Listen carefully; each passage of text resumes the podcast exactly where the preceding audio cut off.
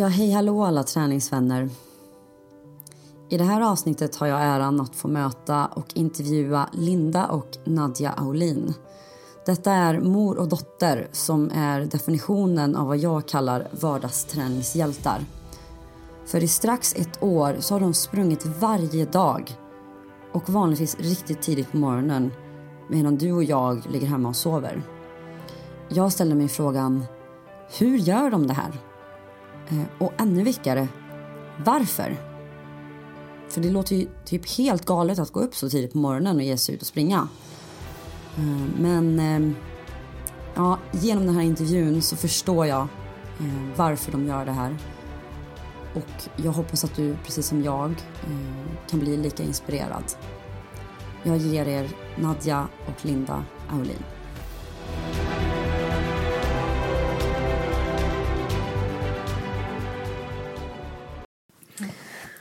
Okej, så idag sitter jag här med Linda och Nadja Olin. Eh, vad kul att ni ville vara med i podden. Tack. Tack, för att du var med. för att vi får vara med. Mm, jättekul. Eh, jag tänkte börja med att be er båda berätta lite hur er morgon har sett ut. Så jag tänkte vi kan börja med dig Nadja. Ah, ska jag börja? Okej. Oj, jag... ehm, Jag eh, var ju hemma hos min kompis mamma. eh, Och, ja, med min kompis då. då. Eh, Hon har precis flyttat till ett nytt hus. Så vi håller på att rensa hennes eh, trädgård och måla staket och grejer. Hon bor ju precis vid havet. Så igår så eh, hade vi en filmkväll. Vi kollade på den här filmen. Eh, Beast of No Nation. Vi läste ju en bok eh, för inte så länge sedan av eh, jag han Oj, du kan uttala hans namn. Nej, det kan jag säkert inte, men jag försökte. ja, eh, det är han som har skrivit boken som den här filmen är baserad på. Så jag ville visa den för dem. Den är ju hemsk, men den är riktigt bra. Så den kollade vi på eh, igår kväll och så eh, sov vi allihopa i vardagsrummet och vaknade till den här havsutsikten och solen sken och det var bara eh, underbart. Och sen så, sen så steg vi upp och kollade på ett program om tårtor och åt, eh, åt frukost. Och sen så började vi eh, dammsuga och baka och grejer för de skulle få besök. Eh, och sen så smsade du dig, mig och sa, säger att eh, men, Nu kommer Johanna hon, hon kommer om en kvart. Okej, jag måste sticka nu. Mm. Och så körde de hem mig för hon har precis skaffat körkort, min Mm. kompis. Hon är så himla cool. Det här är en representativ morgon för Nadja för att hon eh, är ad hoc. Mm. så alla morgnar kan se väldigt annorlunda ut. jo men så är det ju. Aha. Ja. Ehm, det är väldigt eh, jobbigt för vi har ju så här scheman. Att vi ska så här, "Mm, den här dagen ska du laga mat, den här gången, dagen ska Här du hemma diska." hos oss. Ja, precis. Eh, så det blir ofta så här, åh just det, jag skulle laga mat idag, kan någon annan ta den? Så kan jag ta det imorgon. Ja men just det, för ni är ju, ni är ju ganska, ni är en drös som bor här, eller hur? Ja, vi är åtta personer. Wow. ja. Mm. Men vi är båda väldigt sociala människor och tycker det, jag tycker i alla fall att det är ganska tråkigt att vara ensam överhuvudtaget. Så för mig passar det jättebra. Ja. Ja, att vara många hemma det här är inget problem med när vi är familjen men eh, inte lika social med främlingar som du är. Ja, med främlingar. Ja. Ja. Nej men när man kommer hem hit till det så är det ju verkligen, det känns ju bara som ett så här mysigt hem liksom. Här kan man få hänga liksom. Det är bara ett stort, jättestort bord som möter en liksom. Som känns liksom som att det är socialt här liksom. Ja, här man umgås. socialt, socialt och stökigt och eh, livat. Och eh, hur har din morgon sett ut då, Linda? Eh, idag är det lördag ju, så det är den mest eh, avvikande morgon på hela veckan för mig. För jag har sovmorgon. Se där. Det är den enda dagen jag har sovmorgon. Då får jag sova till ungefär klockan nio. Och så går jag... Men så är ändå mer... Liksom, jag gillar rutiner, tror jag. Fast jag inte tror det. Så blir det så att jag går upp, äter frukost och sen måste jag yoga. Jag känner mig så himla stel och sådär. Så då, har jag yogat och så har jag eh, kört min löpstyrka. Varje morgon måste jag gå upp och liksom satsa för att klara av dagens löppass. Just det, så där är alltid med liksom. Yogan och löpstyrkan är Ja, varje den dag. måste vara med varje dag. Mm. Så, men, men en eh, vanlig dag, en vanlig vardag, då går jag upp halv fyra Mm. på morgonen. Och så gör jag exakt samma, fast jag äter inte frukost. Nej. Då går jag upp och yogar och kör löpstyrka och sen springer vi. Mm. Sen får, blir det en racerdusch hemma och så blir det frukost på bussen Okej. jobbet. Det är min rutin. Ja, just det. Det funkar ju också ganska bra. Ja, jag ska ändå sitta på den här bussen en timme. Ja. Lika gärna äta frukost där. Ibland blir det lite sminka där också. På hur länge vi har varit ute och sprungit. Mm. Eller hur länge vi har fotat. Eller hur länge vi har fotat. Alltså- Ibland tar det oväntat lång tid. Åh, vad härligt. Eh, vi ska dyka jättedjupt in på er runstreak för jag är så himla nyfiken på den. Ehm, och liksom hur era månader ser ut i vanliga fall när det inte är lördag så att säga. Men ehm, liksom innan vi dyker in på det så vill jag hö- gärna höra lite om er träningssaga och hur den har sett ut liksom, fram till idag. Då.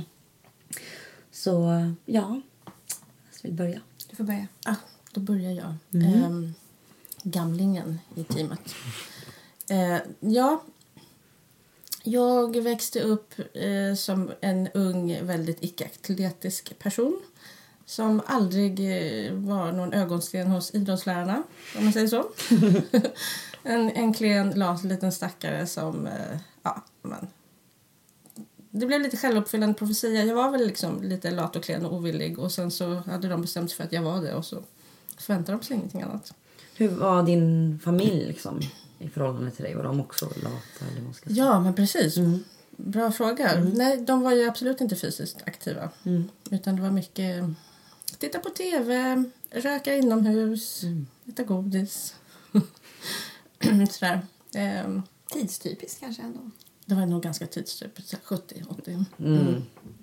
Eller det var, det, man kunde ju vara väldigt eh, så här, aerobics och hurtig på 80-talet också, men det var inte min mamma. Så det var inget... Nej, men det var någonting som jag bara tänkte att det var inte för mig. Man föds och gillar fysisk aktivitet och det hade inte jag gjort. Så var det så. Mm. Sen när jag blev eh, vuxen eh, och äldre så... Men jag har egentligen alltid promenerat mycket när jag tänker på saken. Jag har insett det senare. När barnen var små då var det ofta så här att ja, man tog inte tunnelbanan för att åka tre stationer. Då gick jag hellre. Men det var föräldraledig. Men det tänkte man inte på att det var hurtigt. Det var bara skönt liksom.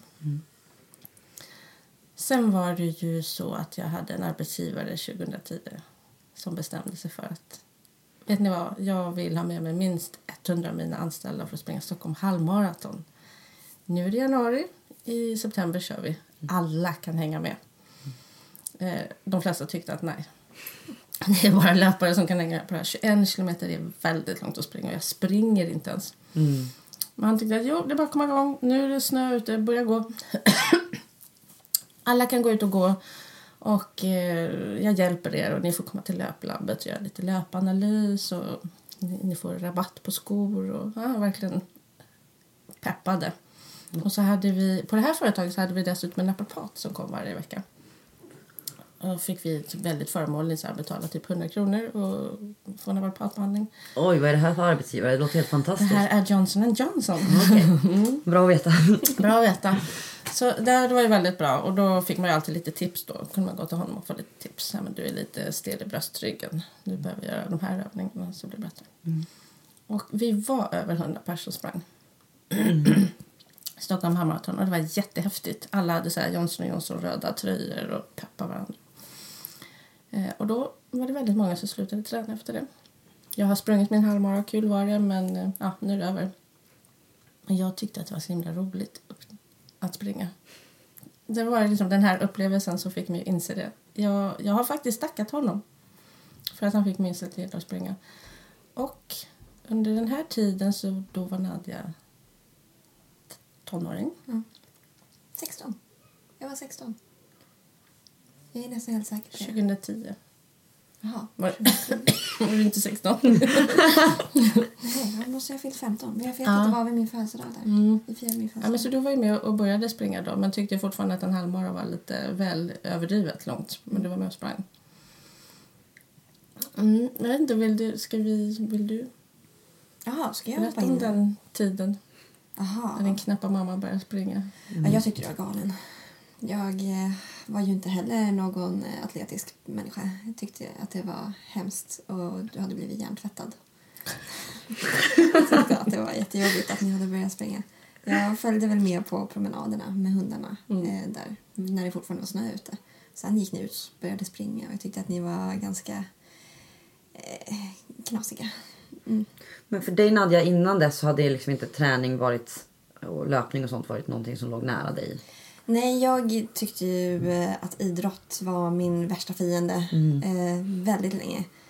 Eh, jag, jag tror att det bara var på grund av hur idrotten i skolan är utformad, eller var utformad då. Jag vet inte Den är fortfarande utformad så. Ja, jag tyckte att det var ett övergrepp att de kunde tvinga mig att eh, klä av mig framför alla mina kompisar.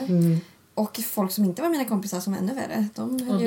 Ja, Ja. I den här eh, jobbiga tiden i mitt liv när allting höll på att ändras och man ham- hamnade i puberteten. Och, eh, och sen så skulle man, eh, skulle man springa omkring där och snubbla på sina fötter och skämma ut sig ännu mer framför hela klassen. Och eh, sen så skulle man eh, klä av sig och duscha framför halva klassen igen. Och eh, jag tyckte bara att det var jättejobbigt och det var jättemycket ångest över det. Och den här ångesten eh, förknippades jag ju, förknippade jag jättemycket med idrott i sig självt. Och jag tyckte att idrott är ingenting för mig. Jag vill inte ens se idrott på tv. Jag tyckte att det var hemskt. Hatade det. Eh, så då så tyckte jag ju verkligen att du hade kommit till the dark side.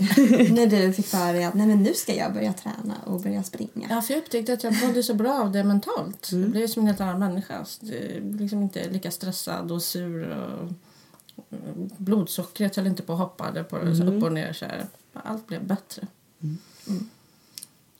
Men vi ställde ju om ganska mycket våra matvanor där också. Ja, Det precis. ha så med saken att. För det, det insåg man ändå att man, man behöver rätt mycket näring för att kroppen ska återhämta sig mellan, mellan alla de här löppassen. Man kan inte leva på ostbågar eller vad. Ja, men riktigt dåligt åt vi då. Ja, Ja, så då började vi äta bättre också. ja. Mm. Vi började ju med LCHF. Det var Ja. våran början. Det var den första. Och det höll ju sig ganska länge och det lever väl fortfarande kvar lite idag. Vi är ju inte övertygade om att man behöver kasta i sig kolhydrater för att springa. Sen lite nu när vi har börjat springa så mycket på morgonen. För då äter vi ju inte frukost innan. Så, ja, vi, Nej, vi springer ju- på fastande mage. Det Ja. går alldeles utmärkt. Ja. Onekligen funkar det också. Ja. Ja. Det blir ganska tydligt. Okej, men så vi, vi är runt Stockholm eh, halvmaraton där. Som du sprang och efter Ja, men det. precis. Och där... Eh, jag var ju inte tränad för att träna löpning. Det är det som är lite jobbigt med löpning. Att man kan inte bara börja träna. Man måste träna för att klara träningen. Det tror jag att eh, många eh, väljer att glömma bort. För det är så tråkigt, kanske man tycker, om man gillar att springa. Det är tråkigt att hålla på med styrketräning och stretch och rörlighet. Så jag försökte fuska jättemycket. Vi berättade att vi gjorde den här löpanalysen på löplabbet. Via arbetsgivaren. Och då var det verkligen så här, ja men du, du överpronerar. Du måste ha väldigt stabila skor. Och det behöver man ju när fötterna är otränade. De är svaga liksom. Då funkar det ju inte. Så jag hade ju massa såna här fuskhjälpmedel blir det ju. För att jag blev ju inte starkare fötterna de där skorna heller liksom. Såklart. De är ju så stabila så att de gjorde ju det som mina muskler i fötterna och fotlederna skulle göra. Eh, och när man börjar springa mer, när man ökar volymen eller man ökar antal sprungna kilometer, ju mer man gör det desto mer märks det att man eh, inte är tränad på rätt ställen.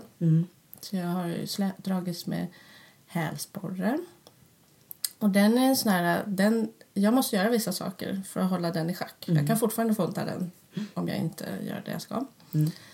Eh, löparknä har jag haft. Jag sprang med fruktansvärda smärtor av löparknä mitt första Stockholm Marathon. Det var en riktig sån hardcore upplevelse att springa med den där hemska smärtan. Eh, vad har jag mer råkat ut för? Ja, benhinnorna ska vi inte prata om. De har ju haft ont i många gånger. Ja, Och ska det- vi prata om. Ja, de ska jag prata om. Det här problemet många gånger. Eh, och, ja, men det, egentligen var det nästan de som gjorde att jag insåg att man, nej, jag kan inte vila bort det här. Nej. Jag kan hålla upp löpningen i fyra, fem månader. Det gör ändå ont i mina benhinnor när jag börjar springa. Men Jag måste träna upp mina fötter. Jag måste bli starkare där. Just fötterna, det här tycker jag är jätteintressant. För att, eh, jag och säkert många andra som är löpare tänker ju inte på dem. Jag tänker egentligen bara att jag behöver träna runt mina knän. Ja, precis. För man får ju ofta sånt i knäna. Ja. Eller hälsenan eller någonting annat. Men det beror ju på att ja, de blir överbelastade för att man har så svaga fötter. Det är fötterna som är nyckeln alltså. Ja, för mig har fötterna verkligen varit Men det är nyckeln. de som tar emot. Ja, Det- egentligen ja, så är det logiskt. Men det är fötterna som landar så här hårt i marken varje steg Mm. man springer. Okej, så när var detta då som du insåg det här med fötterna? Var är vi då i historien? Ja, var är vi då i historien? Då är vi väl ungefär... Jag måste ju väldigt liksom... Det var ingen behaglig eh, insikt. Så jag kanske insåg det långt innan jag gjorde någonting åt det. Jag började egentligen inte göra någonting åt det förrän 2016. Mm. För då hade jag bestämt mig för att ja, men jag ska springa eh, mitt första Stockholm Marathon.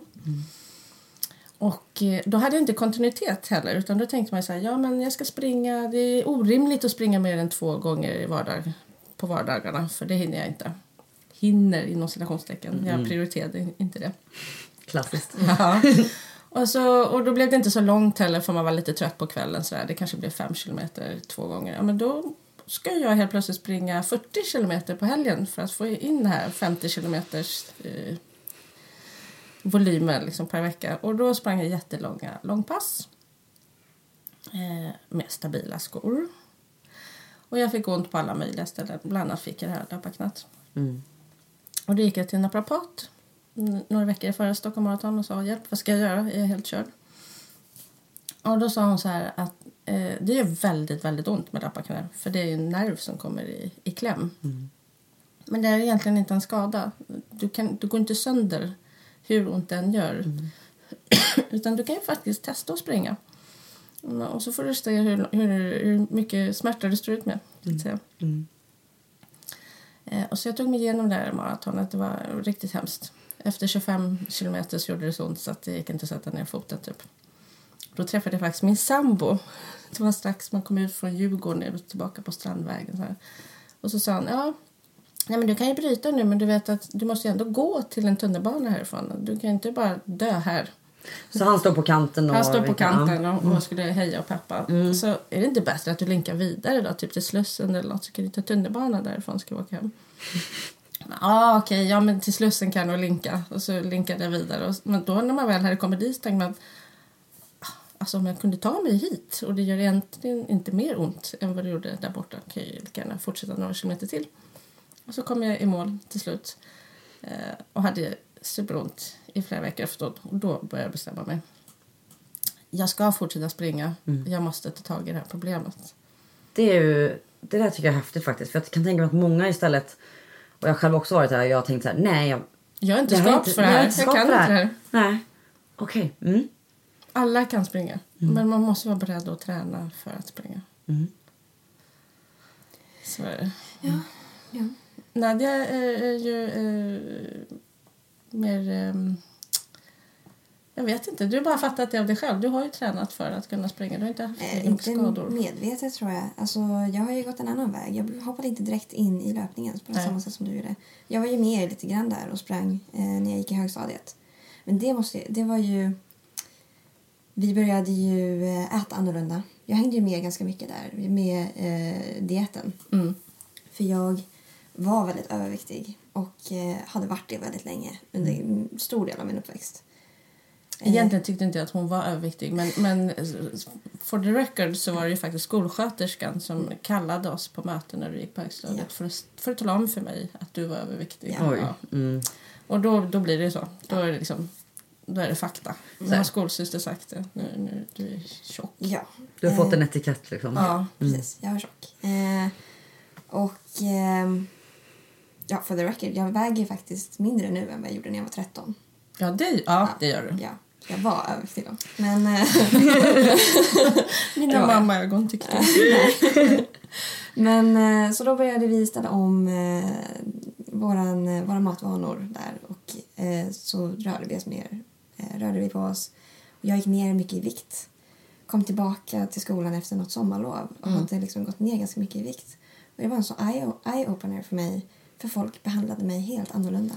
Oj. Helt annorlunda. Helt plötsligt så var så här, tjejer som har mobbat mig och liksom, inte mobbat, de hade retat mig. Eh, jag, det var inte så att jag mådde dåligt av att de retade mig. Jag tyckte mer att de var jobbiga. Eh, men så de plötsligt liksom började vara snälla mot mig och liksom hälsa på mig och liksom tyckte att nej men hej, hur har du haft det? Och det var... Jag bara insåg, bara spikades fast väldigt fast då att, eh, Man att får vara- inte se ut hur man vill. Nej, man ska Nej. inte vara tjock. Ja, det var... Det, det är en, en dödssynd. Det, då blir man, eh, Då blir man förkastad från, eh, från samhället. Eh, så det var en eye-opener. Eh, men sen så eh, hamnade jag väl bort lite från eh, löpningen när jag började i gymnasiet. Men då, den här kompisen som jag var med nu i morse, eh, hon gick på taekwondo. Just det. Ja. Så då eh, ville hon få med mig på en eh, så här, provträning. Hon tyckte att, nej men, häng med. Hon tog med mig och, och en, en annan kompis, Simon. Eh, tog med oss på eh, den här eh, taekwondo-lektionen och jag tyckte att det var så himla kul. Det var något helt annorlunda. Det var bara, alla var så himla snälla och trevliga och vi gjorde en massa roliga saker. Och, Det spelade ingen roll hur du såg ut. Liksom. Nej, det gjorde inte det. Det var bara... Eller att du inte kunde allt Nej, perfekt. och det var, det var massa olika åldrar och eh, olika former och, och längder och jag tyckte att det var, det var så himla häftigt. Så jag började faktiskt på taekwondo där med henne. Ehm, och gick där i några år. Ehm, Och avancerade. Ja, jag avancerade. Jag fick, eh, fick grönt bälte. Så jag avancerade från vitt till gult till grönt. Så jag hann ganska långt. Men sen så eh, tog jag studenten. Det var ju där på Odenplan. Så det var ju väldigt bekvämt att gå dit efter skolan. Jag gick bara i fem minuter typ. Så var jag där. Men sen så eh, började jag jobba här i Åkersberga efter gymnasiet. Då började jag jobba heltid. Eh, så då så slutade jag ju Kom du in i ekorrhjulet liksom? Ja, så kom jag in i ekorrhjulet. Men då var det väldigt jobbigt att mitt i ekorrhjulet åka in till stan. Eh, det tog ju typ en och en halv timme. Och sen eh, träna i kanske två timmar och sen komma tillbaka. Så då var hela, hela kvällen var borta. Mm.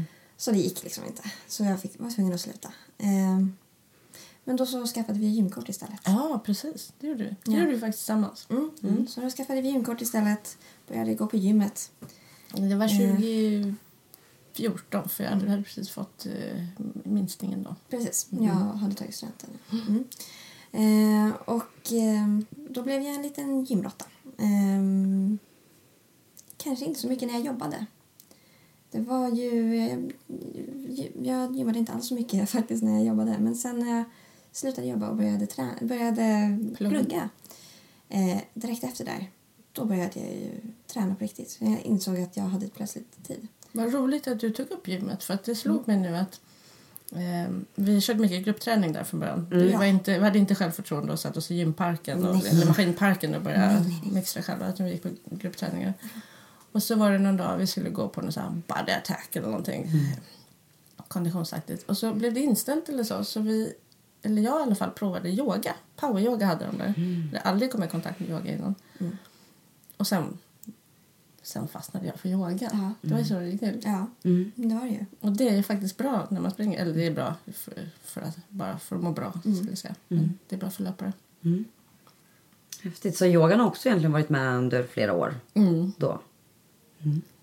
Sen, sen blev det ju så att... eh, För jag var ju föräldraledig under den här tiden. Vi hade liksom mer tid just precis det där året att, gå på gymmet. Och sen upptäckte jag att ja, men, jag behöver egentligen bara liksom, titta på videos för att komma vidare och upptäcka nya saker. Så då började jag prenumerera på Yogobi. Mm. Denna fantastiska sajt. Eh, nu gör jag inte det längre. För efter ett tag så har man någon, någon form av egen kit. Liksom, att, men det är det här jag vill göra. Det är det här jag behöver. Och så mixtrar man själv. Men det är svårt att bara börja Mm. helt själv. Mm. Det känner jag verkligen igen. Men det är bra att vara på gruppträningen från början. För någon som går och petar och säger att nej men nu har inte du kommit ner med ryggen tillräckligt. Eller, Man ser ju inte själv Nej. hur det ser ut.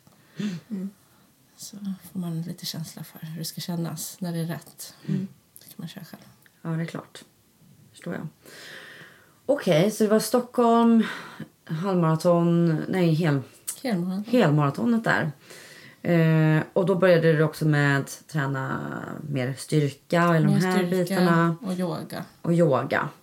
Eh, och jag är ändå lite nyfiken för vi var inne på det här med fötterna. Mm. Eh, för det har jag ju verkligen inte fattat innan. Liksom. Trots att jag nu har försökt hålla på med löpning i typ två år och liksom bara det krånglar och har sig. Liksom. Så att, vad gör man då för att träna fötterna? Ja, men, v- så här ska jag säga. Det är faktiskt mer komplicerat med löpning än vad man tror. Så man måste ha tålamod. Man måste, man måste ha kommit till en punkt att man älskar att springa. Så jag hade ju turen att liksom, bli uppmuntrad att hamna där.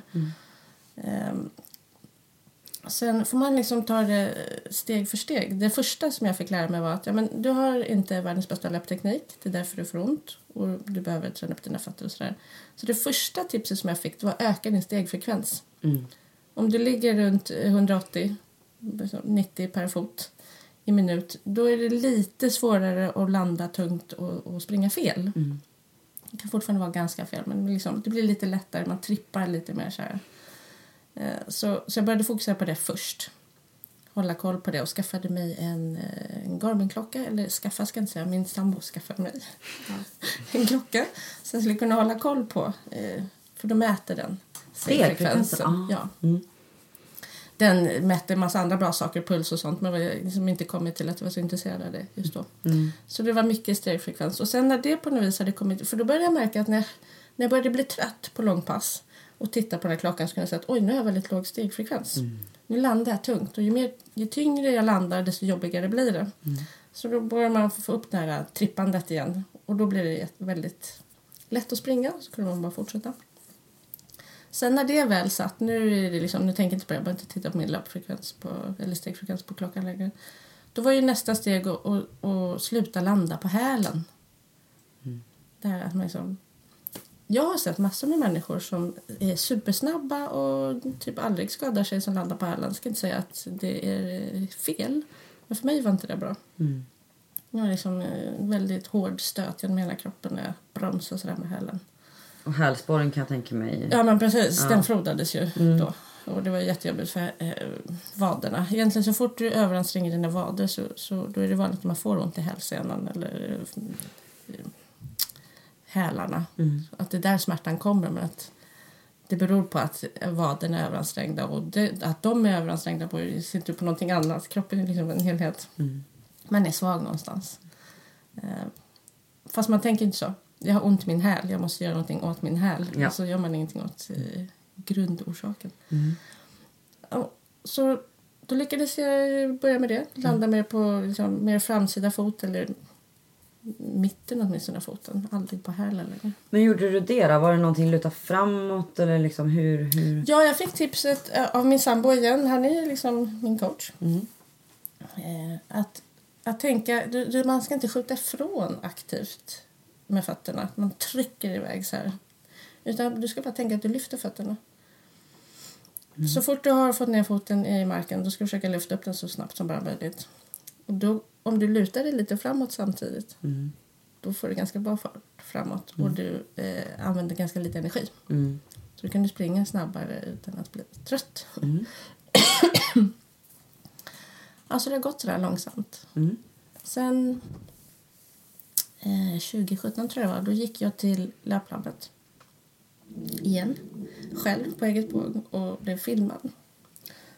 Det ska jag säga, första gången 2010 då filmade de inte utan, eller jo de filmade en lite så här grann bakifrån när man sprang men det var liksom inget jätteavancerat.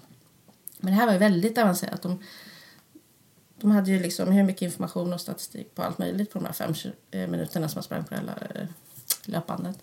Och då såg allting väldigt bra ut. För då vill jag veta. Springer jag på ett sätt som är dåligt för några av mina leder, höfter eller vad som helst. Och så såg det ganska bra ut. Så då visste jag att jag var på rätt väg. Jag tror att man behöver den, eller jag behöver den bekräftelsen. Mm. Det är lite som att vara i skolan och man skriver prov och så vill man veta. Hade jag fattat något? Mm. Så det var mitt prov. Mm. Sen vart efter när jag ville börja springa så försökte jag komma med de här små tipsen. De, man, man måste vara redo för dem för du kunde bli ganska så här, irriterad ibland. Så här, men vad säger du? Man kan ju inte bara lyfta fötterna rätt upp i luften. Då kommer man ju ingen vart. Man Ja. måste ju trycka lite. Mm. Nej, men eh, det var ju verkligen du som fick igång mig. Eh, för det var ju du som eh, köpte all min utrustning till att börja med. Bara plötsligt så, här, varsågod, du får en Garmin-klocka. Jaha, vad ska jag med den till? Ja, den kan du använda till att springa. Ja, ska jag körde ju samma det. metod som min sambo. Så här. Du behöver en klocka, du behöver bra skor. Så, ja, och så hängde jag väl på dig. Men du var ju mycket snabbare än mig och klarade mycket mer än mig. Så då blev jag lite disheartened. Men eh, sen så började jag ju träna så mycket på gymmet så då började jag komma igång själv. Eh, och sen så möttes vi någonstans där på mitten. Ja, för jag har också jag, jag har en förmåga att springa onödigt snabbt när jag springer själv. Och det är ju mer slitigt. Så ska man springa ofta och länge så är det faktiskt slitigt att springa snabbt. Så det har ju faktiskt jobbat på att springa mer i din takt. Mm. Som är en väldigt skonsam takt. Jag skulle säga att den har varit framgångsfaktorn. Ja. Springa det här mysiga, lågintensiva. Ja, men så här, jag hamnade ju på 6.30 per eh, kilometer tempot. Mm. Och jag kände att när jag, jag hade kommit till en punkt där jag kunde springa i princip hur långt som helst när jag bara höll det, höll det tempot. Så vi sprang ju väldigt mycket i, i det tempot. Mm. Eh, men sen så fort jag försökte klättra över det så blev jag jättetrött. så, men det var, när vi började springa tillsammans då hade jag hamnat där på 6.30 tempo som min ideala eh, punkt. Mm. Men det var, ja. Men ni har ju gjort eh, några års resa då ihop med Ja. löpningen. Mm. Eh, och även annan träning då liksom. Eh, men den känns som att den är väldigt central just, eh, just löpningen här. Löpning är central. Vad, men vad är då vad är löpning för er? Liksom, varför, Varför gör vi det? varför gör ni det? Ja, jag vet inte om vi har samma anledning. Kan vi pausa? Mm, absolut. liksom köra olika mycket på varje... Med löpningen så är det bara... Du bara springer och du kan bara tänka på annat under tiden. Du bara gör... Bara kroppen vet vad den ska göra. Du behöver inte tänka på tekniker eller någonting sånt. Du, kroppen vet. Så nu kan man liksom rensa huvudet och tänka igenom saker och ting och... Jag tänker att det påverkar hela min mentala hälsa. Mm. Jag blir liksom mer utrustad för eh, andras negativ energi eller negativ energi som kommer inifrån mig själv. Stress, allt sånt där är liksom, det känns inte lika viktigt och jobbigt Mm. efter att jag har sprungit. Mm. Men, det känns, Det låter ju klyschigt men det är faktiskt så. Mm. men det känns inte som att det blir mindre. Det bara känns som att man kan få lite avstånd från det. Ja, man får perspektiv. Ja, precis. Mm. Mm. Ja, så eh, det är väl därför ja, löpningen känns mest eh, naturlig och eh, mest eh, tillgänglig. Mm. Men sen är det också så att ni springer ju då ihop. Och numera varje dag. Ja. Som, eh, som det ser ut på ert fantastiska Instagram-konto. Som jag följer slaviskt.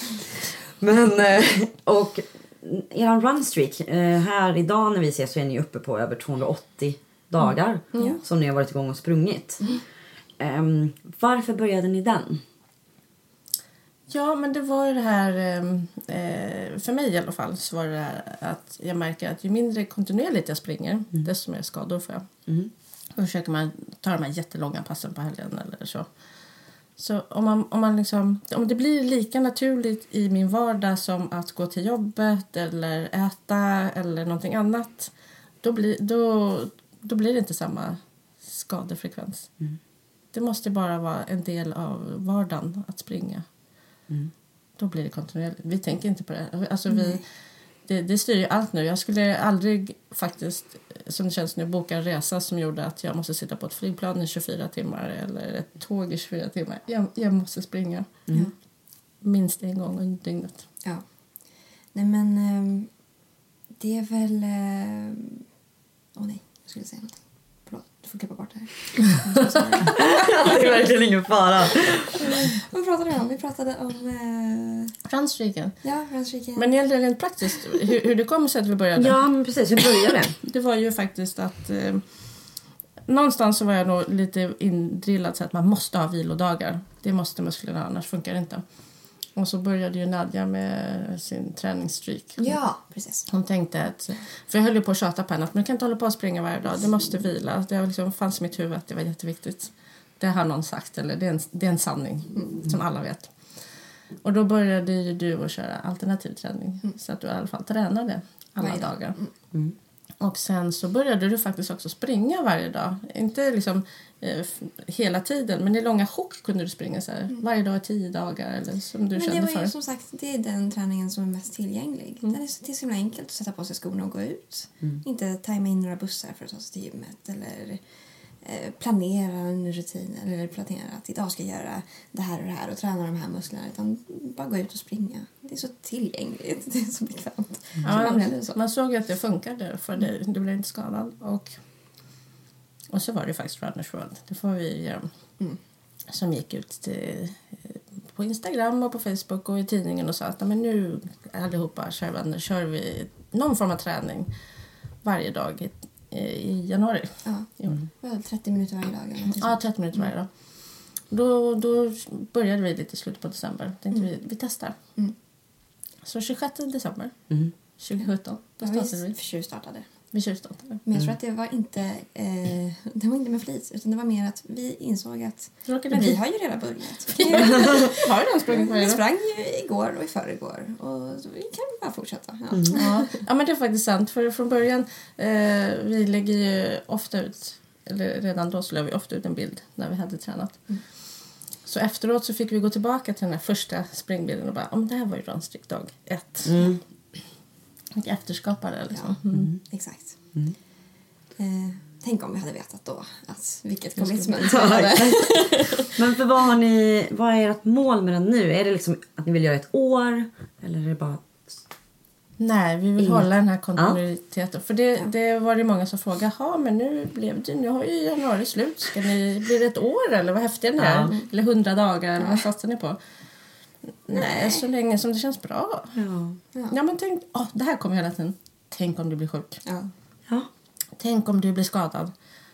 Ja, men då får jag ju sluta och så får jag ju se till att bli frisk eller att skadan läks och sen får jag börja igen. Mm. Alltså man behöver inte lägga ner sin runstreak för att den blev avbruten. Man får ju starta ny.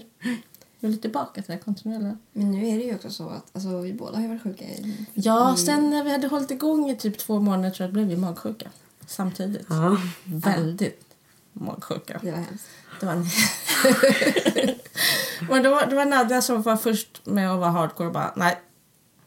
Du, började, du blev magsjuk en dag före mig. Ja. Du, bör, du började en dag före och så gick hon ut och sprang i alla fall. Mm. Fyra kilometer. Kortare, långsammare. Mm. Ja, eh, så då var jag inspirerad av henne då, dagen efter när, jag, själv- när det var jag, min tur var riktigt dålig. Mm. Grejen är att efter, jag mådde så himla dåligt. Eh, efter att jag hade varit ute och sprungit så kom jag in och jag mådde så mycket bättre. Ja, men det, ja. Jag mådde så mycket bättre. Det kändes som att jag har knäckt koden. Ja. ja. Nu, jag vet, jag vet vad kroppen behöver. Jag, för jag lyssnade på min kropp. Jag hade koll på min puls.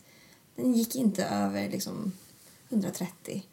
Det är liksom ett väldigt lågt intensivpass. Jag sprang inte alls fort. Jag sprang inte alls långt. Jag bara gick ut, fick lite, blod, lite blodcirkulation, lite frisk luft, lite solljus. Gick in, satte mig igen och kände att nu, Nu mår jag bättre. nu mår jag mycket Men jag bättre. har också alltid känt det. bättre. Mm. Oavsett om det varit magsjuka eller förkylning. Mm. Så det blir mycket bättre. Mm. Och sen, sen har vi ju båda ramlat lite och kanske vrickat foten lite grann sådär när vi varit ute i skogen. Och då, då får man ju också testa. Lyssna Gör det mycket ondare nu när jag är ute och springer? För då får jag ju sluta. Men oftast märker man att nej, men nu när jag rör, det gör inte ondare än att gå. Och nu när jag sprungit ett tag så är det faktiskt inte ont alls. Det är som att bloden, blodet har kommit igång då i Ja. den här svullna leden. Liksom. Mm. Men inget, alltså lyssna på kroppen. Det är inte som att man ska köra, men nu eh, när jag är magsjuk så tycker jag att du ska köra Ska springa intervall. 10 kilometer snabbt jag kan? nej, det ska inte Lyssna göra. på kroppen. Om kroppen säger nej, gör inte. Men Mm. ifall om det, alltså ifall om det, om det bara är men för att alla andra säger att man inte ska göra det. Nej, men Är det en bra är det anledning? en bra anledning? Nej. Nej. Så fort anledningen är, anledningen är att men så har det alltid varit eller men alla andra gör ju så, då tycker jag att då får man tänka lite själv. Ja. Mm. Ja, Men så gäller ju allt i livet. Ja. Ja, men varför, varför är du emot det här? Ja, men för att alla andra är det. För att det, aldrig, det har alltid varit så här. Ja, men nu får du tänka lite. Ja, vad är egentliga Tänk lite analytiskt här nu. Mm. Vad, är, vad, vad, är det, vad skadar det här? Vad, vad gör det för skada ifall om det är så här? Mm. Mm. Hitta din egna vilja liksom. Ja. Mm. Mm. Häftigt. Men eh, hur håller ni motivationen uppe? Motivation är för noobs. Vi kör rutin. Ja. Ja. Men det, nej, man måste ha väldigt mycket rutin. Jag är en sån där... Um, eftersom jag måste gå upp halv fyra för att hinna med övriga livet. Jag ska ju hinna jobba heltid och sen ska jag hem och hämta barn och vara med dem på kvällen. Då måste jag ju redan på kvällen innan ta fram kläderna som jag ska på. Jag måste kolla vädret, ta fram eh, rätt kläder, liksom planera så att man bara kan gå upp på morgonen och klä på sig och köra. Mm. Man måste ändå ha lite rutin. Jag måste bara fråga där, för att det här är ju en av de sakerna som jag verkligen imponeras av. Är att ni går upp vid halv fyra och gör det här. så när en annan ligger i djupsömn förmodligen. Liksom. Och i början när jag började följa er tänkte jag att de måste ju typ jobba natt och komma hem från jobbet. det måste ju vara det som händer där liksom. För att när jag väl går upp på morgonen då har ni redan varit ute och gjort det här på väg till jobbet. Ja. När går ni och lägger er? Ja, det, och det här kommer att få helt olika svar. Ja. Eftersom jag har barn Ja. och jobbar heltid så måste jag gå och lägga mig senast nio. Gärna tidigare. Jag tycker det är superviktigt att sova nu. Ska man springa varje dag behöver man verkligen sova. Kroppen är liksom ständig återhämtningsfas hela tiden. Mm. Eh, ditt svar är lite annorlunda. Ja, alltså jag eh, jobbar ju på, jobbar deltid på ett gym. Eh, när jag jobbar där så jobbar jag från 11 till eh, 8 ish. Eh, och då kommer jag ju hem vid eh, nio och halv tio. Så jag kan inte riktigt gå och lägga mig i samma tid. Eh, och så pluggar jag ju heltid så ibland så har jag inlämningsuppgifter och då går jag inte och lägger mig alls under, under natten utan jag sover lite på eftermiddagen. Så jag, jag har inte så mycket har inte så mycket rutin Nej, det är på mina... säga, men jag kan inte gå och lägga mig på eftermiddagen för då är jag på jobbet. Nej men du har lite mer flexibilitet att kunna få in sömn. Ja, jag har ett väldigt eh, sporadiskt o, eh, orutinerat schema. Mm. Det dyker upp, de kan ringa mig och säga kan du jobba imorgon? Mm. Jaha, okej, ja visst. Mm. Eller eh, ja, mitt schema ser ut så att vi, en, en dag har jag eh, föreläsning de här två timmarna och sen så har jag grupparbete efter och sen nästa dag så jobbar jag och då jobbar jag från 11 till, till 20 och, ja, jag har liksom inte så himla eh, mitt schema ser olika ut varje dag. Mm. Men, men det är ju fantastiskt för det, det, då hör man ju rätt tydligt att Nadja behöver egentligen inte gå upp halv fyra och springa. Det är jag som behöver det Mm. för att jag ska hinna. Och så så snäll så hon anpassar sig. Ja, men jag vill inte att du ska ut och springa själv. det känns så Ja. obehagligt. Nej, men vi pratade ju om det lite innan vi startade podden här om att ni liksom...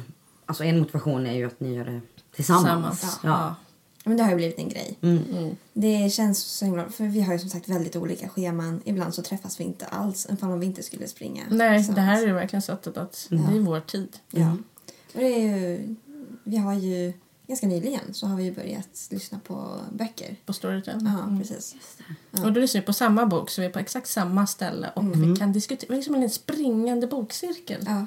Kan man säga. Så Wow. vi, vi började ju med Jonas Gardells eh, Ja. Till minne av en villkorslös kärlek. Ja. Det var ju du som ville läsa den. Ja. Och eh, jag ville också läsa den. Så jag, jag, jag skaffade ju Storytel för dig. Så Mm, jag, bra, nu gör vi lite reklam här också. Ja. Får skaffa dem som sponsor sen. Borde du faktiskt... de, har ju, de har ju blivit en stor del av vår löpning. så det, här är, ju- det var helt unintentional. Men så blev det. Ja. För eh, jag insåg att den finns ju där. Och det har jag ju redan skaffat. Så då tänker jag ju lyssna där såklart. Och då tyckte du att nej men jag har inte tid att läsa. jag har inte tid jag att har sätta väldigt mig svårt att läsa en bok. Liksom. Ja. Mm, Men att läsa boken, att någon läser upp boken för mig när jag springer, det är perfekt. För springa ska vi göra. Springa ska vi ändå göra. Ja. Så då så började vi lyssna på den exakt samtidigt. Och det var så himla kul att springa där och bara, ja men vänta lite, vad, vad var det han sa? Vad menar han med det här? Liksom det här. Springer och analyserar. Ja, springer och analyserar och, och, och diskuterar och, och liksom eh, bara, ibland bara skrattar på samma ställen. Det tycker jag är ganska roligt. Och ibland så är du typ 15 sekunder före mig och så Ja, skrattar du åt någonting. Bara, "Vad, det där var inte roligt. Och så, så kommer jag dit och bara, aha, okej, hon är före mig. Ja. Ja, det är svårt att vara exakt samtidigt. ja, men du förstår. Det var. Eh, play, nu kör vi. Men ehm, lite mer konkreta, hur ser det ut eh, om en vanlig morgon? En vanlig morgon för oss. Och hur långt springer ni? Och Då, då startar jag tidigare än dig. Ja. För att jag eh, jobbar tyvärr inte heller på gym så jag kan inte gå och gymma på lunchen. Nej. Så min morgon är ju raka vägen upp och yoga. Jag älskar att väcka kroppen med yoga. Det låter ju också jätteklyschigt men när man väl har börjat så känner man sig alltid, eller jag känner mig alltid stel och konstig när jag vaknar. Så då yogar jag ungefär en halvtimme och sen så kör jag... Det, det blir längre och längre jag märkt. Det är därför jag har gått upp tidigare och tidigare. Så nu blir det liksom en halvtimme yoga och sen blir det minst 40 minuter löpstyrka. Mm. Eh, och nu kommer jag på en till sak som jag berätta sen. Eh, och då är jag faktiskt också uppvärmd. Jag tycker att det är viktigt för en gammal människa som mig. Jag har inte riktigt samma härliga muskelmassa som Nadja som är 23. Jag är 44 så jag måste vara mer rädd om mina muskler. Så då vill jag vara riktigt uppvärmd när jag ska börja springa. Så när jag börjar bli liksom närma mig slutet av min rutin då hör jag hur Nadja går upp här på undervåningen. Eh, Så du får berätta hur du gör. För sen klär jag bara på mig och går ner här till Nadja Ja. på källarvåningen. Jag, jag går ju upp en timme efter dig. Mm. Eh, Jag går upp eh, halv fem. Eh, och vi brukar ju gå ut eh, 20 i fem. Ja, det började 25, så det blir senare. Det Sen. blir senare Ja, det är för att jag håller på mer och mer med Ja, ja. lappstyrka. Men jag tror att det är för att du tänker hela tiden också att ah, men, det gör ingenting. För vi gick ju ut den här tiden. Så jag har, igår gick vi ut den här tiden. Då har jag ju fem minuter kvar och sen så tar du tio minuter på dig. Och sen så, Ja, men sen när vi börjar springa snabbare och snabbare. Ja, det är sant. Men så jag går upp eh, eh, typ tio minuter innan vi ska sticka. Eh, sätta på mig kläderna. Och sen så går vi ut. Och hon värmer inte upp eller någonting. Nej. Alltså, det här är supermänniskan. Hon bara tar sig upp och Ja. springer. Ja. Mm. Så, eh, och sen så beror det på. Om jag ska ha en föreläsning klockan åtta nio så... Eh, Hinner du inte somna om. nej, så hinner jag inte somna. Eh, Men ska vi tillägga, så är vi- ute och springer och lyssnar på våra böcker. Mm. Och, eh, och så tycker vi bara att det är skitroligt fotograferat. Det är Ja. faktiskt så det börjar. Mm. exakt. Vi springer och fotograferar allt. Vi, för oss är Snapchat och alla såna här medier bra. För de, man bara får liksom ögonblicks... Det där var fint. Eller kolla den här stämningen. Kolla det där ljuset. Ljuset i det här trädet exakt just nu. Ja. Men så betyder det att ni, ni springer liksom så stannar ni upp och bara ah det här måste vi fota? Lite så här. Ja. Ja, från början, eh, när, när det var ljust ute och det var sommar, då var det ju väldigt mysigt att, att liksom stanna när man sprang förbi havet. Mm. För där var det så vackert. Nu blir det mer i slutet på rundan Ja. någonstans där vi tycker att det ser... Vi brukar ju alltid springa. känner för. Vi springer förbi havet fortfarande. Ja, det gör vi, men det är så mörkt. Så. Det är så mörkt. Det finns inga gaslyktor där heller. Liksom. Nej, nej, nej. Det går inte. Mm. Men ja, som sagt, vi bor ju nära vattnet. Det är, alla vägar går till vattnet. Ja. Springer ni alltid samma runda? Det beror på. Om det kommer några vildsvin eller... Ibland Det så, låter som vilda västern. Så? alltså vi har jättestora vildsvin. De är jättebehagliga. Det är ju farligt. Ja. Och de, de, de som vi träffade nu senast, de hade ju barn med sig. Så att Ja. de var ju en hel flock som bara stod och stirrade och frustade på oss mitt över vägen. Så, här. så då, då är det bara att vända. Då får man liksom ta en, en annan väg. Och sen så bara några dagar senare så gick vi... Vi skulle springa på, på exakt samma ställe. Och så hörde vi någonting skriker inifrån skogen. Verkligen gallskriker. Man, alltså, varningslät det säkert. Ja. Men det, vi trodde att det var en människa som blev torterad. Eller Ja, det var, det var ett, ett skrik i alla fall. Och vi båda tänkte att nej men ska vi... vi, vi ja, Nu vänder vi. Vi, vi vänder nu. Ta en annan väg. Så vi, då, då blir vi en alternativ väg. Och, ja. Men annars så har vi ju en, en runda som vi försöker springa. Ifall vi Ja, det blir lite rutin sådär på morgonen. Man Mm. orkar inte tänka så mycket. Nej. Nej. Men vi försöker... Just nu, vår nuvarande rutin är ju liksom... Den är 9,5 typ. Ja, 9,5, 10 så här. Vi vill Ja. helst att det blir 10 men Ja. ja. Men det fattas typ några meter. Vi måste springa Ja. lite extra liksom. Ja. Så här runt husen. ja det är töntigt. Det är töntigt. Det är töntigt att springa över ett hus. För Och så stirra på klockan. Ja. Men kom igen nu. det är så här, Jag känner igen det där. ultimata skämtet liksom. Nej. Min Garmin-klocka har inte sagt att jag springer 10 kilometer. Jag har inte tillåten än att stanna. Men vad är det där liksom som gör att man bara nej men jag vill ha en jämn siffra liksom? Men visst är det konstigt? Ja. Men det är så satisfying att få liksom... Ja. Det surrar till, nu stannar jag. Ja. man sitter och tittar på sin statistik. Så här, hur sprang jag den här månaden förra året? För mig är det jättekul nu för jag ser ju hur jag, jag springer ju 100% mer varje månad. Mm. Kilometermässigt mot förra året när vi inte hade ramstryck. Ja, precis. Vi var inne lite innan på, jag tror det var du Linda som nämnde kring vila. Mm. Eh, och det finns ju mycket, alltså, mycket forskning kring det här och olika personer som säger liksom att jo, men vila är jätteviktigt i träning och liksom att eh, jag kan själv uppleva ibland så här att om jag kanske har tagit en paus någon, någon vecka eller så här från löpningen att jag bara helt, har massa ny energi när jag ska springa Mm. igen. Ehm, och ni springer ju då varje, Varje varje, dag. dag. Så hur, hur ser ni på vila? Vi, vi har nog valt att tänka återhämtning istället för vila. Mm. Att det är viktigt med återhämtning mellan löppassen. Så det är viktigt att sova. Mm. Jag har nog aldrig varit så noga i hela mitt liv med att jag ska sova minst åtta timmar. Mm. Eh, Det blir inte alltid så, men det är målet. Mm. Och sen det här att det blir så viktigt att äta mycket näring. Mm. Inte hålla på att tänka vad är nyttigt. För nyttigt, det, det, vad blir jag smal av? Liksom. Mm. Det struntar vi i. Nu ska det vara mycket näring, mycket protein. Det, man, liksom, man nästan känner vad man behöver äta. Mm. Och sen, eh, och sen ja, lyssna på kroppen. För att om du vaknar dagen efter, Om jag hade vaknat i mars, eh, idag och känt att gud jag känner mig sliten idag. För det gör ju vi vissa dagar också.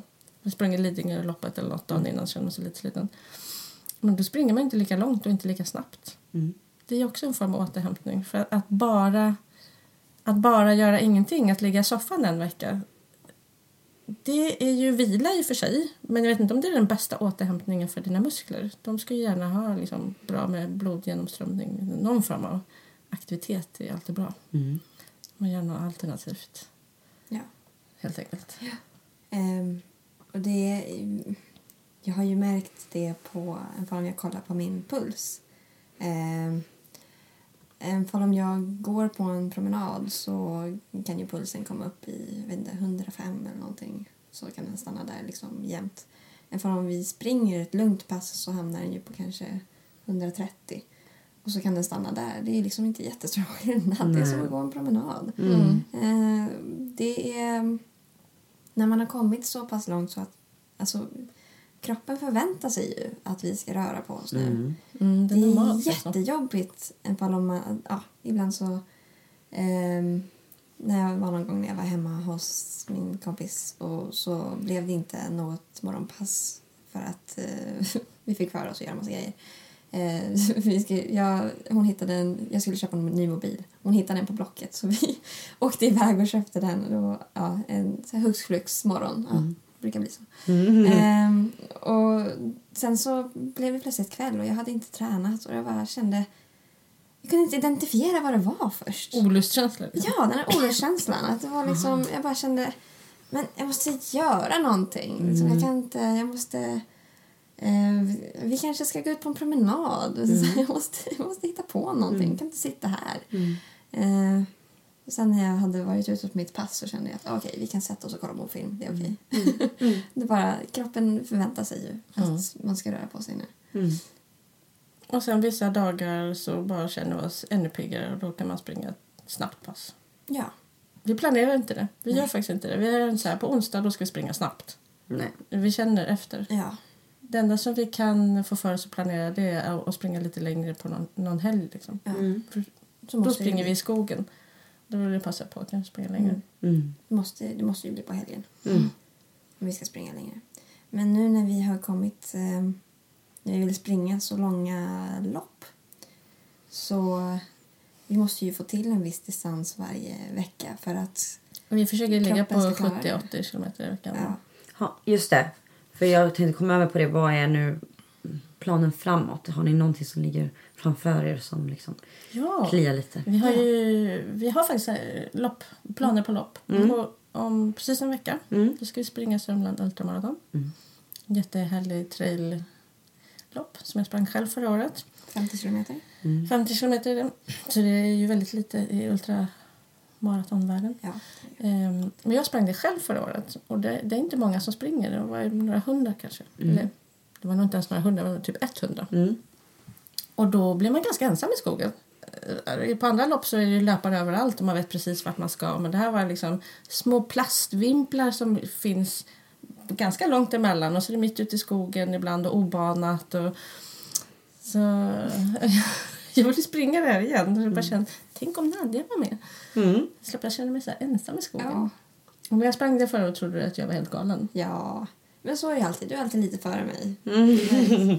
Springer eh, halvmaraton och jag tycker att du är galen. Sen sprang du maraton och jag tycker att du är galen. Mm. Sen sprang du Sörmland maraton och jag tyckte att du var galen. Nu ska du Och sen med. så drar du alltid med mig på de här grejerna. Men nu har vi faktiskt ett gemensamt långt lopp framför oss som vi ska springa båda två tillsammans för första Ja, gången. Ultravasan. Ultravasan i augusti nästa år. Ja.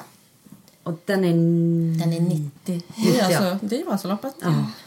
Åh, vad häftigt. Ja men gud vad, vad roligt det ska bli. Men, men det, där är det mer, det är ju stort, eller större i alla fall. Så då får man, det är ju vätskestationer var 50 kilometer och det är massa folk överallt. Man kommer liksom inte springa vilse. Så det är ändå lite mer jippo än, än där som vi ska springa på lördag. Ja. Ja, det blir eh, intressant. Sen fan om det blir 50 kilometer eller om det blir... om vi, hur mycket vi kommer springa Vi kommer komma i mål. Ja, du menar så? Det blir lite längre. Ja, längre kan det bli. Vi kommer komma i mål. Men det kan bli längre. Varför tog det er 18 timmar? Jag vet. Det gick fel någonstans. Ja, så förra året sprang jag själv uppmärksam. Nu ska vi springa och lyssna på bok så vi får se vad vi hamnar. Men ehm, på tal om lopp. Eh, jag har ju förstått att ni precis som mig själv är ett Harry Potter-fan. Ja, För ni springer någon form av virtuella lopp eller vad ja det kallas. jättekul. Ja. Ja, berätta mer. Det var en tjej som jag följer på Instagram. Helt plötsligt la hon ut en bild på en jättefin medalj och så började hon skriva att hon hade sprungit ett virtuellt lopp för Hogwarts Running Club. Vad hette hon? Hennes eh, konto heter Running Jämpa. Ja, men det är bra att veta. Ja, jag hoppas jag sa rätt nu. Jag ska dubbelkolla medan jag pratar. Ja, men jag tror att det är... Visst heter hon så? Mm. Så då började jag fråga henne, men gud vad intressant, vad är det här för någonting? Mm. Och så berättade hon hur det går till. Och då, det är ju, det, det fina med Ron- ja, hon heter Running Hjälpa. Eh, Det fina med de här är ju att man får betala pengar. Egentligen så betalar du ju för din medalj när du springer Stockholm Marathon också. Det är inte något du får gratis för att du var så duktig och sprang mål. Utan det, är Det är det som kostar. avgift, Liksom. ja. Så man betalar ju faktiskt för sin medalj. Man, man, och de pengarna, en stor del av de pengarna går till eh, välgörenhet. De berättar alltid i förväg vad det är för välgörande ändamål de har. Ja, det är alltid olika varje lopp. Det är alltid olika varje lopp och de har någon liksom, deal med någon leverantör som gör de här medaljerna så att de ska få det så billigt som möjligt. Jättefina. och så har de, det är som ett tidsfönster att nu startar det här eventet. Eh, De har bestämt då hur långt det är. Första gången vi sprang så var det en halvmara. Och så har man en månad på sig att springa det här. Och då försöker de ju få med sig så många som möjligt som tycker att egentligen kan du ju springa 21 kilometer utspritt. Ja. Du behöver inte ens springa det samma dag. Mm. Men vi tycker extra roligt om du springer den här dagen för då kan vi allihopa känna att vi springer tillsammans. Vi har ju försökt hålla oss till den här dagen som Ja. de säger. Mm. Vi gjorde det då i alla fall. Ja, det gjorde vi. Mm, Och då då kan man, man- följa andra som springer också. Då. Ja, men precis. Ja. Exakt. Ja, men det är jätteroligt. Det är jätteroligt. Vi har blivit helt fast. Men är det här via någon app? Eller vad är det? Hur, hur De följer man finns ju de faktiskt andra, liksom? också på... Ja, vi följer dem på Instagram. Mm. Ja, Hogwarts Running Club finns ju där på Ja, ja. Instagram. Mm. Så då lägger de ut det. att Nu har vi ett nytt lopp, nu kan ni registrera er. Och så kan vi gå in där. Och sen så lägger de ut bilder på andra som har sprungit loppet. Och hur det går för insamlingen. Och titta, här är, här är de här eh, som du kommer hjälpa. Och det här är ändamålet för det här eh, loppet. Och, ja, det, det är kul. Det är jättekul. Och de är ju väldigt... Eh, de vänder sig verkligen till folk som, är rikt, som verkligen kan alla detaljer i Harry Potter, som Nadja kan. Så man får alltid lite tips här, eller lite ledtrådar innan eh, nästa event kommer. Ja. Så ska man gissa liksom, om. Mm. Alltså, vi får ju ta en helt annan session där du och jag snackar Harry Potter. Då. Ja. Alltså, det kan vara en, en, en separat fem Ja, timmars podd. absolut. Ja, jag har läst alla böcker eh, hur många gånger som helst, både på svenska och engelska. Så kan vi säga.